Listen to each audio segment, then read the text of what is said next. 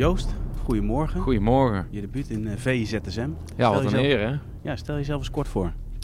Ja, Joost Blauwhof hier uh, vaak aanwezig op de internetredactie. Af en toe een mooi verhaaltje in de pen. En uh, ja, ik ben gisteren getuige geweest van een geweldige voetbalavond. Ja, dat ben je zeker. En daarnaast volg je ook de KKD met uh, ja, zeker. interesse. Ja, ja, nee, de KKD is de leukste competitie van Europa, denk ik altijd maar. Minst voorspelbaar. Ja.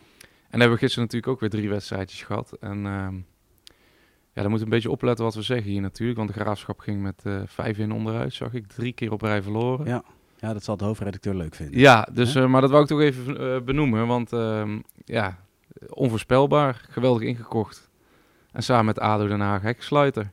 Ja, en hebben we gelijk een mooi bruggetje naar de topper in Engeland. Want ja, Ja. daar gebeuren natuurlijk ook de meest onvoorstelbare dingen. We hebben United Liverpool met verregaande interesse eh, bekeken. Ja, Ehm, we hebben voorafgaand de analyse van Pieter eh, gelezen, waarin hij eigenlijk aangeeft dat binnen de lijnen zijn er niet zoveel problemen. De problemen bevinden zich vooral buiten de lijnen. Kijkend naar de wedstrijd van maandagavond, ben je het dan eens met die stelling? ja, nou, het is ook wel vrij opportunistisch om nu te zeggen dat er geen problemen binnen de leiding zijn. Maar gisteren zag je wel dat eh Ten Hag deze week iets los heeft gemaakt bij Manchester United. Ze hebben natuurlijk, het, eh, er werd veel gelachen dat hij die ploeg 13,4 kilometer liet rennen afgelopen week. Ja. Maar gisteren eh, was er niks mis met die intensiteit. Dan zag je ook wel, hij had Ronaldo natuurlijk op de bank gezet, Harry Maguire, eh Luke Shaw, wel gerenommeerde namen. Ja, En dan zie je toch wel dat die ploeg eh, een signaal heeft gekregen. En het is natuurlijk makkelijk je opladen voor Liverpool op je eigen veld. De, de grootste wedstrijd die daar is. Maar ze- ja, alles klopte wel in het plan. ja, precies. Laten we straks een paar spelers eh, bespreken. Maar wat ik, eh, waar ik eigenlijk mee wil starten is het volgende. De omschakeling. Nou ja, daarin was United gisteren heer en meester. Ehm voerden ze goed uit. Eh, opvallende rol ook voor Bruno Fernandes in, in Ja. dit geval. En grote ruimtes die dus door de snelle aanvallers benut werden. Gelijk de kritische kanttekening is als ze nou komende, komend weekend, laat maar zeggen, tegen een mindere tegenstander, in dit geval Ja. Southampton, en ze moeten het spel maken, ja, dan wordt het wel weer heel anders voor United. Ja, omdat je in dit eh, geval eigenlijk geen balvaste aanvaller hebt. En eh, niet iemand die eh, daar in een kleine ruimte ehm, je ploeg laat aansluiten en rust brengt in balbezit. Maar wat ik wel... Kijk, Roy Keane zei dat ook na de wedstrijd. Ik had bij Sky Sports even de analyse gekeken. Hij zei, het is inderdaad belangrijk. Nu ga je uit naar Southampton, zeg ik uit mijn hoofd. Ja. Daarna uit naar Leicester.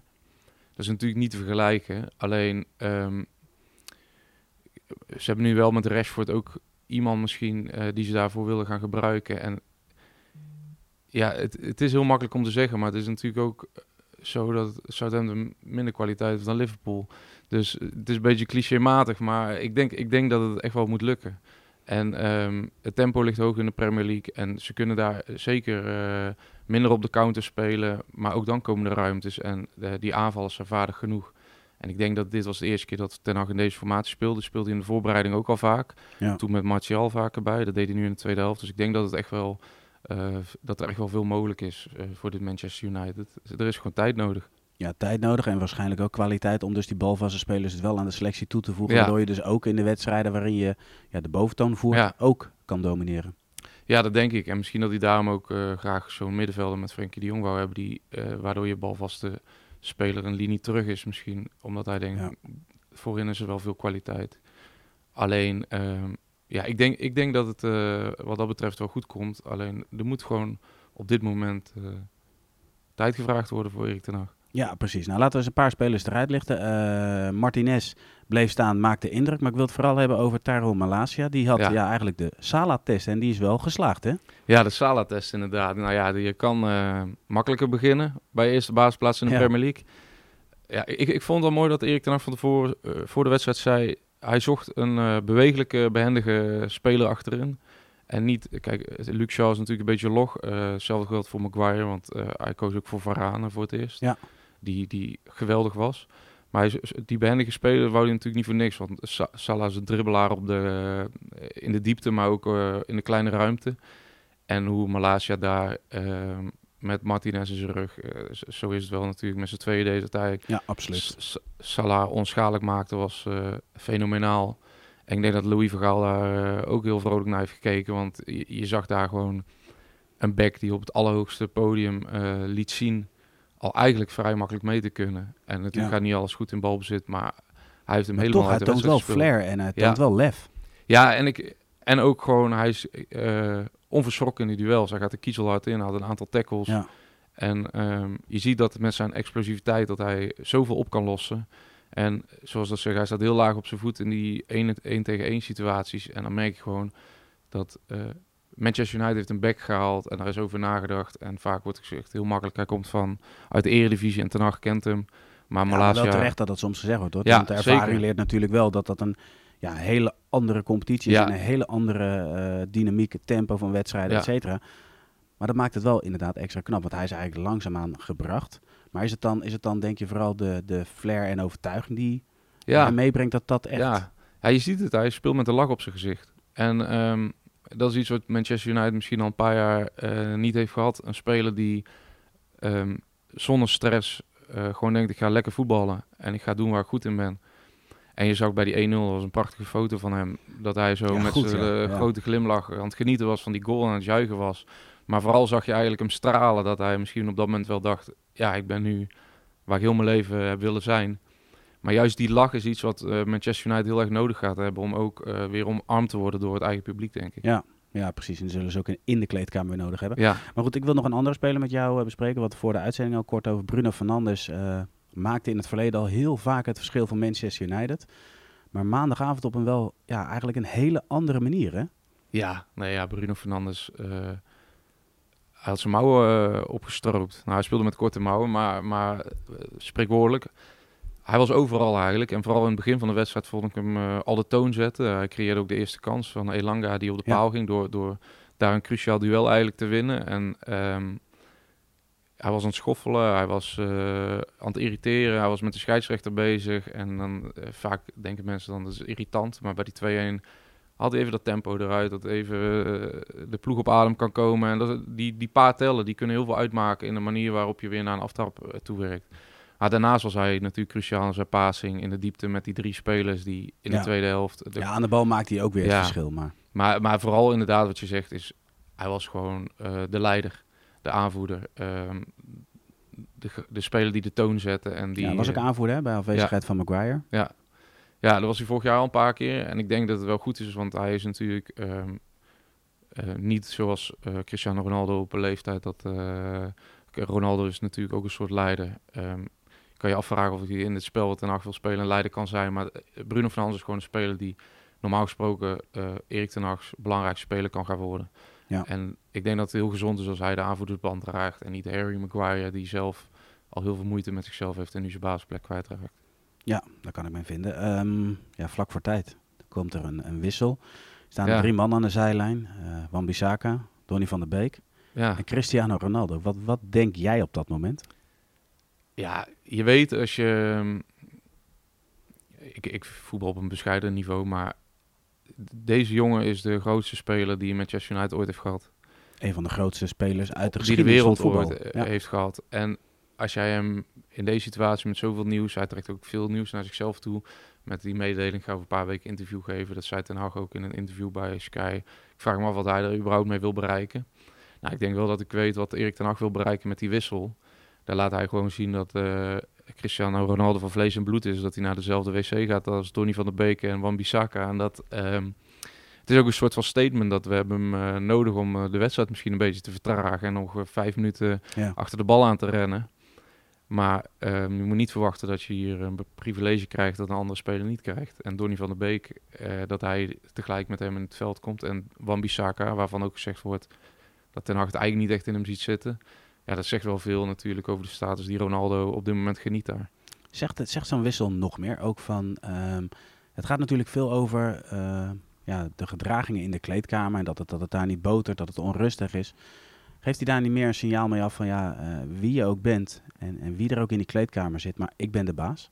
Ja, dat denk ik wel. Ik denk dat wel. Het, het was gewoon een statement, die wissel. Ja. Want eh, je kan ook denken, als zij al langer met elkaar hadden gewerkt. en zoals Dusan Tadic, nadat ze drie jaar samen hadden gewerkt. dan had hij hem op de bank laten zitten.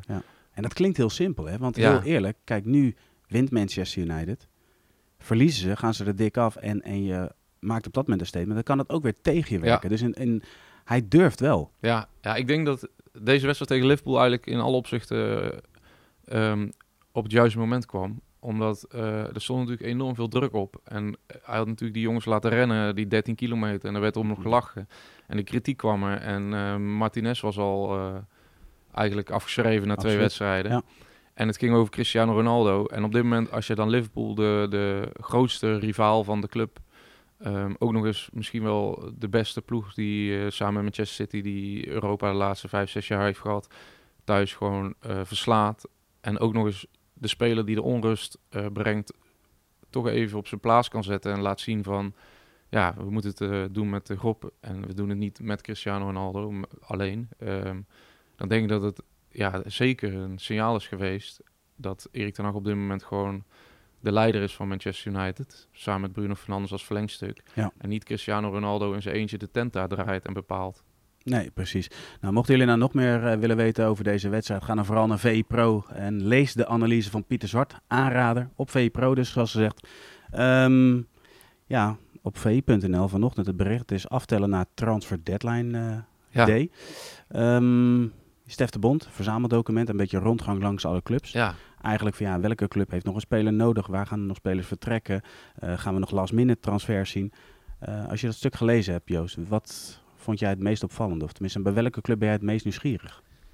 Nou, eigenlijk ben ik het meest nieuwsgierig naar AZ. Want ik heb dat eh, verhaal natuurlijk gelezen. Super interessant ook, omdat je eh, gelijk een overzicht hebt. Kijk, veel mensen die zijn natuurlijk gefixeerd op de topclubs of op, Ja. een, eh, op, op hun eigen club. Maar hier heb je een heel overzichtelijk staan wat de clubs, waar ze aan toe zijn, wat ze nog willen. En welke gevaren ze nog tegenkomen. En dat vind ik, dat gevaar eh, doe ik eigenlijk op bij AZ. Waar je leest dat zij ehm, niemand weg willen laten gaan, behalve Hatsidiakos. Maar is op dit moment natuurlijk geen dragende speler. Nee. Maar dat, eh, daar doe ik eigenlijk mee op Carlson. En als je nu ziet wat er in Engeland allemaal gebeurt en welke verhalen er doorcijpelen omtrent eh, onder andere eh, Cody Gakpo. Ja. Dan ben ik toch wel benieuwd wat er nu gaat gebeuren met Carlson op het moment dat PSV straks, laten we zeggen 50, 45. Jij zegt dus 50 eigenlijk, er gaat iets gebeuren bij de, een van de topclubs in Nederland. Ja. En vervolgens de clubs daaronder, die zijn ja, daar ja, je- de dupe van. Of kunnen daar de dupe van worden. Ja, ze geven nu een signaal af, we willen hem niet verkopen. Maar op het moment dat straks eh, de Zilvervloot Eindhoven binnenvaart of een andere eh, stad... en ehm, Jesper Karlsson kan een stap maken en PSV speelt bijvoorbeeld Champions League... ja, wat gaat AZ dan doen? En dat is natuurlijk... Die dynamiek in de slotweek van de transfermarkt is natuurlijk super aantrekkelijk en, eh, om, om te volgen. Ja. En eh, eigenlijk is het onvoorspelbaar wat er gaat gebeuren, want AZ gaat op een termijn een keer meewerken. En eh, om nog een ander punt aan te kaarten, ik zag ook Go Ahead Eagles en daar maak ik me toch een beetje zorgen over. Kwalitatief gezien? Ja, ik heb ze tegen Groningen nu zien spelen als een punt verdiend, zeker. Maar toen las ik de lijst met name op de bank. Nou, ik ben ze eigenlijk al eens even alweer vergeten om aan te geven dat daar eh, geen jongens bij zitten waarvan, je, waarvan een licht gaat branden als je bekijkt wat, daar, wat zij allemaal nog kunnen brengen. En ja, ik denk dat daar zeker drie, vier spelers bij moeten, willen zij bij de ons drie plaatsen wegblijven. En ik, als ik dat verhaal van Stef lees, dan lees ik eh, Pelle van Aanholt op proef.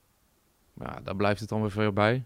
Ja. En eh, Pelle van Aanholt heeft een zware knieblessure gehad een tijd geleden. Is al lang eh, niet op niveau gespeeld. En dan denk ik, ja, denk ik dat zich, men zich in Deventer toch wel zorgen moet gaan maken. En het is toch wel jammer, want het is toch wel een van de meest authentieke clubs die de Eredivisie Zeker. kent. Zeker, prachtig stadion, mooie Ja. Vetkampstraat om Ja. naartoe te gaan.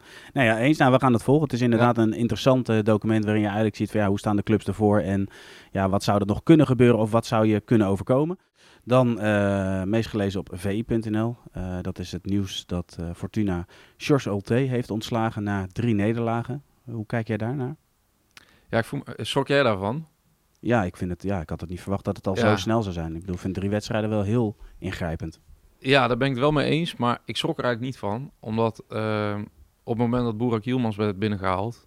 en met het verhaal eh, dat hij in de toekomst eh, misschien wel trainer zou worden... of technisch directeur... of in ieder geval iets ging doen om... eh, na zijn carrière daar. We gaan er geen tekende- Ruud Gullit constructie kijken Ja. uit de Chelsea tijd of gaat het er echt aankomen? Nou ja, je kan wel erop rekenen dat zij niet met ehm, een naam als... eh nou, Adrie Poldervaart heeft de club, maar bij wijze van spreken Adrie Poldervaart op de poppen gaan komen. Zij gaan gewoon met een grote naam komen. En ik denk niet dat dat Boerak Hielmans is, maar daar, ja, ik moest gelijk denken aan Fatih Terim Oh ja, tuurlijk. Die Die, geen club hè, heeft. bij Galatasaray. en eh, de nationale ploeg. En Ja.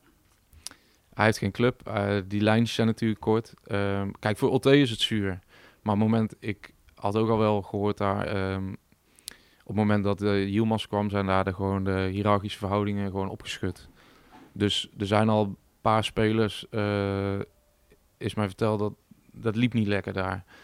Ehm, jongens, je kan ook wel be- bedenken dat als eh Mats Seuntjes vorig jaar met ehm Sian Fleming voorin stond en die hebben een klik. En die hebben samen die ploeg erin gehouden. En er komt ineens een eh, Turkse koning aan. En ehm, ja, wat, eh, Mats Seuntjes moet je vrije trapjes afgeven. En Ja, maar Joost, in dat geval, als je, als je zo'n speler kan halen, je krijgt die kans. En, en we weten allemaal, Ja. en goed, dat, dat weten we vanuit het Nederlands perspectief ook al, dat hij geweldige vrije trap heeft. Dat, Ja, dat, nee, dat, dat pakt ook zo'n kans uit, moet je er ook weer niet laten lopen. Nee, dat moet je niet laten lopen. Maar ik denk wel dat het zo is dat zeker bij de spelers die ehm, ja, ook een eh, bepaalde status in die selectie hebben, die nu ineens eh, daar een beetje afstand van moeten gaan doen. Ja. En dan merken dat eh Boerak misschien een keertje twee keer traint in de week en de pers een keertje overslaat. En eh, dat die jongens eh, wel heel goed zijn met de Ulte, hè? want dat moeten we ook niet vergeten. Ulte gaat er nu uit. Maar er zitten ook een bepaald aantal jongens. Ralf Seuntje heeft mooi verteld dat Mats wegliep met Ulte. En ehm, dat zal niet de enige speler zijn geweest die daar belangrijk is geweest. Dus ik, ik ben een beetje bang voor eh, Fortuna. Ze hebben genoeg kwaliteit, dus ze gaan zeker niet degraderen. Maar Voor de lange termijn bedoel je dan? ja, dat het... Ja. ehm, kijk, die club ehm, ligt wel onder een vergrootglas door uh, Yilmaz onder andere. En ja, je hoopt toch wel dat eh, het ook een beetje van de mensen zelf mag blijven daar. Ja, we gaan het volgen. Joost, eh, je eerste VZSM, hoe kijk je erop terug? Ja, vloog voorbij. Ja? Het is een beetje zoals eh, Manchester United Liverpool gisteren. Kijk, dat is mooi. Jongens, dit was ja, VZSM van vandaag. Morgen zijn we er weer met een nieuwe VZSM. Bedankt voor het kijken en voor het luisteren en tot morgen. Doei!